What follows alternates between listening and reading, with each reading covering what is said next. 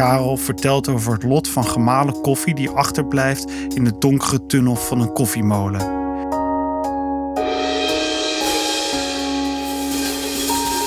Ooit opende Richard Visser de klep van zijn kraam en stond er een vrouw voor hem die duizend oliebollen wilde. Dit is Het Wonder van Rotterdam. Een podcastserie over mensen met bijzondere beroepen en een ijzeren inzet om hun stad mooier te maken. Ze zijn niet bekend, maar betoveren wel. Maak kennis met de straatdokter en de krullenfluisteraar, de fietsjuf en de sambalman, de gasmeester van de Kuip en de bijaardier van de Laurenskerk. Mijn naam is Ernest van der Kwast en ik bezing de stad waarin ik woon, werk, droom en dans. Passie. Hopper is een begrip in de stad. Dat komt door de sfeer, de geur van vers brood en de hemelse meisjes achter de bar. Maar vooral door de koffie. Je kunt iedere week uit tenminste zes verschillende koffiebonen kiezen. Ze worden gemalen op de Nino On Demand Espresso Grinder. Een beest, zegt eigenaar Karel Rietveld. Konische maalschijven, een luchtgekoelde laagtoerentalmotor. Maar de belangrijkste feature is dat er geen gemalen koffie achterblijft. Er is geen retentie, zegt de barista. De uitloop is direct verbonden met de maalkamer. Karel vertelt over het lot van gemalen koffie die achterblijft in de donkere tunnel van een koffiemolen. In 15 minuten halveren de aroma's. Een tragische gebeurtenis, maar niet in Hopper. Terug naar de bonen. De weg naar de selectie van deze week loopt via 40 samples van koffietraders.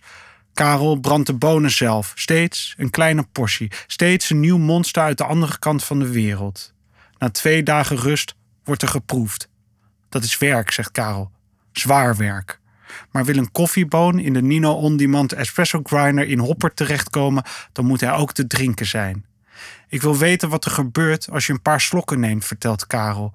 Drinken is belangrijker dan proeven. In het begin was er enige weerstand tegen de wisselende koffiebonen. Sommige klanten konden het maar moeilijk verkroppen als hun koffie er plotseling niet meer was. De repliek van Karel: Lekkere koffie is belangrijk, maar ik wil het wel spannend houden. Hij is niet bang dat klanten weg zullen lopen. De concurrentie bevindt zich in Napels, luidt zijn antwoord. Even later in het gesprek zegt hij: In Seattle kun je ook lekkere koffie drinken. We staan achter de Mirage Hydro Compresso, een espresso-apparaat met drie pistons. De druk is variabel. 9 bar bij het begin en 4,5 bar aan het einde van de extractie.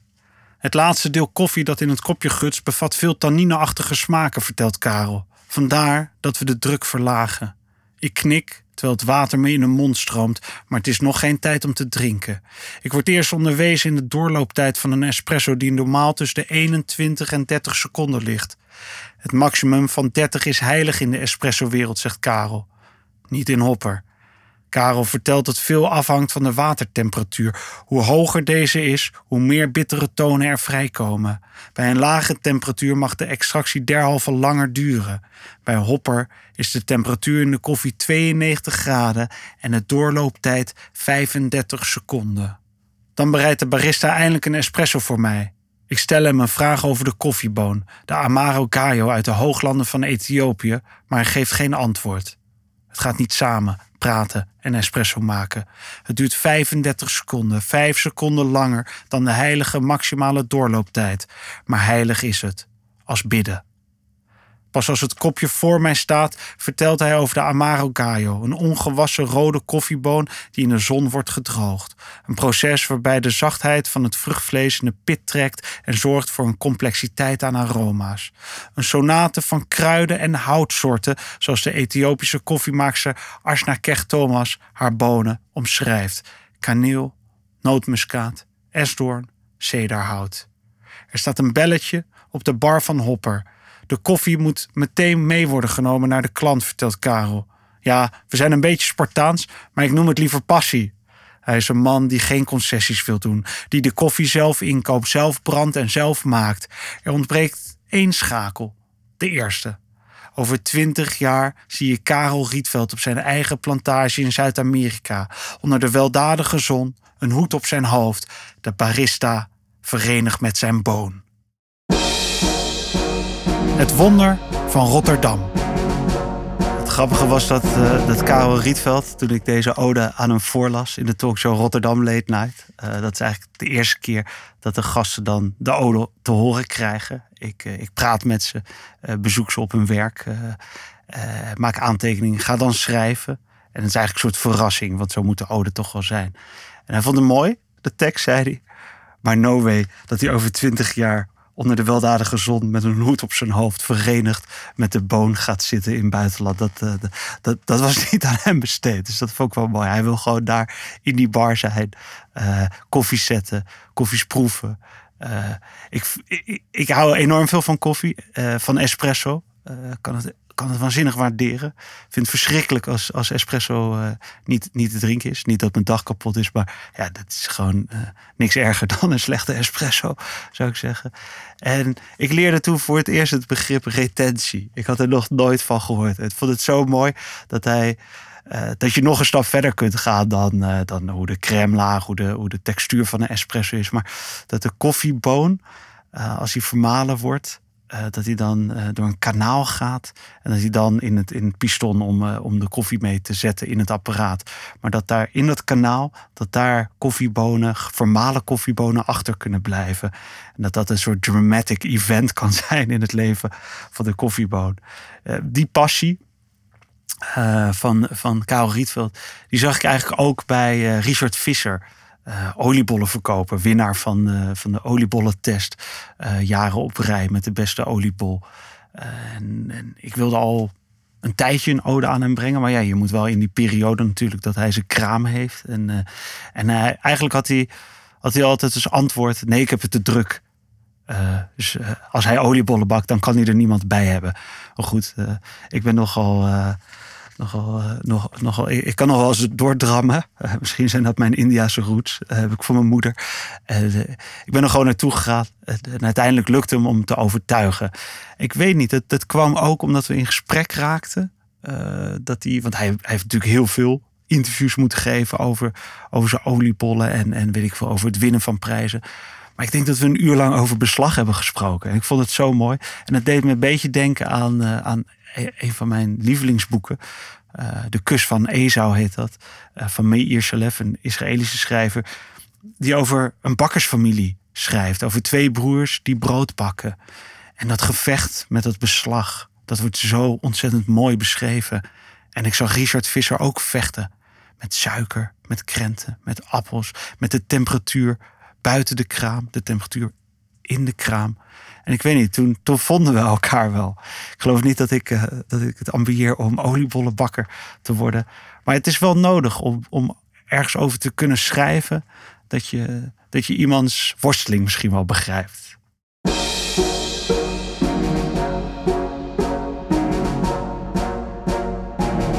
Zoet bloed.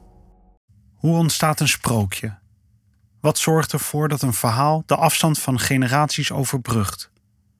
Welke ingrediënten zijn belangrijk? Dit verhaal begint lang, lang geleden, als Willem Pieter Visser in 1873 de Nederlandse loterij wint. 130.000 gulden, een fortuin. Hij is in één klap steenrijk en besluit zijn leven te veranderen. Nee, zo begint het niet.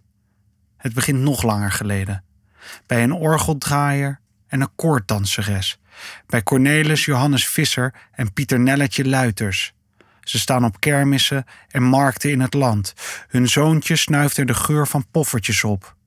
De zoete moleculen vliegen via minuscule haren en het gulden reukslijmvlies zijn lichaam binnen en weten door te dringen in zijn bloedbaan. Duizenden en duizenden omwentelingen later is de jongen een man met twee viswinkels. Het klinkt logisch, een visser die vissen verkoopt. Maar iets moet hem tegenstaan. Zijn het de ingewanden is het de scherpe geur? Als Willem-Pieter Visser de loterij wint, verkoopt hij zijn viswinkels en begint een poffertjeskraam in de Haagse dierentuin. Zo begint er suiker door de bloedvaten van de familie Visser te stromen, van vader op zoon, van Willem-Pieter op Doris Nicolaas, op Petrus Lambertus, die trouwt met Gertruida Smit, dochter van een weduwe met zeven kinderen. Om het half boven water te houden, bakt de weduwe oliebollen in de winter en staat ze in de zomer met een draaimolen op de kermis. De zoete moleculen draaien en wentelen, hotsen en botsen en smelten tenslotte samen. Het beslag wordt dikker en rijker. Het jaar is 1952.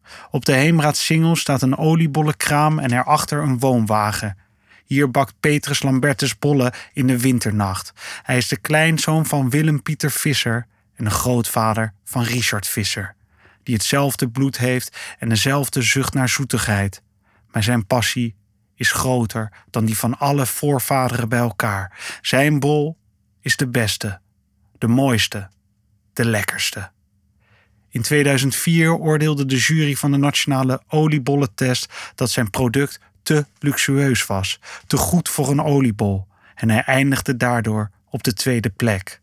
Richard Visser had zijn bol in een laagje kaneelsuiker geserveerd. Dat smaakt niet alleen geweldig, maar geeft ook een prachtig effect, zegt de oliebollenbakker. En hij vervolgt als een Hollandse meester in de 17e eeuw: het licht schittert dan in de suiker. Tegenwoordig wordt de kaneelsuiker alleen onder de toonbank geserveerd en is de kraam van Visser al 15 keer uitgeroepen tot de beste van Nederland. De oliebol maakt hem gelukkig, maar soms ook ontiegelijk zaggerijnig. Hij moet perfect zijn. Dat wil zeggen, mooi rond en lekker krokant, stevig van buiten en zacht van binnen, met een korte afbeet. Meerdere keren per dag snijdt Richard Visser zijn bollen open om ze te ontleden. De kleur, de geur, de structuur, alles moet kloppen. Het komt voor dat een bol vettig in de rand is of dat er te weinig lucht in het beslag zit. Ja, dan ben ik humeurig, zegt hij. De oliebollenbakker vertelt over de strijd met het beslag. Dat wordt bereid in een aparte ruimte waar het tropisch warm is. Drie kwartier. Zo lang moet het beslag van Richard Visser reizen. Als het koud en guur is, reist het beslag minder goed en moet hij kleinere porties maken. Om het weer buiten te houden, hangen er zeilen aan de voorkant van de kraam en warmtelampen boven het hoofd van Richard Visser, de heilige van de Heemraadsingel. In de dagen tussen kerst en oud en nieuw staat er een rij van 100 meter en wachten mensen drie uur lang in de kou. Ooit opende Richard Visser de klep van zijn kraam en stond er een vrouw voor hem die duizend oliebollen wilde. Hij was acht jaar oud toen hij voor het eerst beslag mocht maken van zijn vader.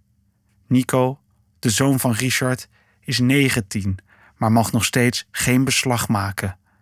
Ik kan niet zo goed loslaten, bekent de oliebollenbakker. Niet alleen het weer beïnvloedt het beslag, ook de ingrediënten. De rozijnen geven dit jaar veel suiker af, vertelt hij.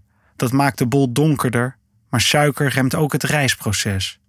Stukjes Jona Gold en Elstar verrijken de smaak, maar de Jona Gold bevat veel vocht, wat ook niet goed is voor het beslag.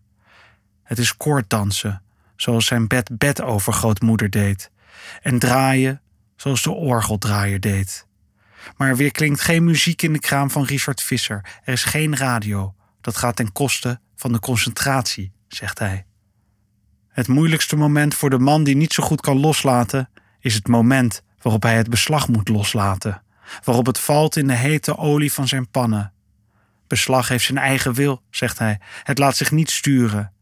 En zo heeft elke oliebol een net iets andere vorm. Voor de smaak maakt het niets uit, zegt Richard, maar de perfecte bol is rond.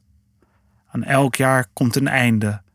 Maar Richard Visser lukt het nooit om wakker te blijven tot middernacht. Drie maanden per jaar bakt hij zijn oliebollen, streeft hij naar het hoogst haalbare, dagen van 13, 14 uur.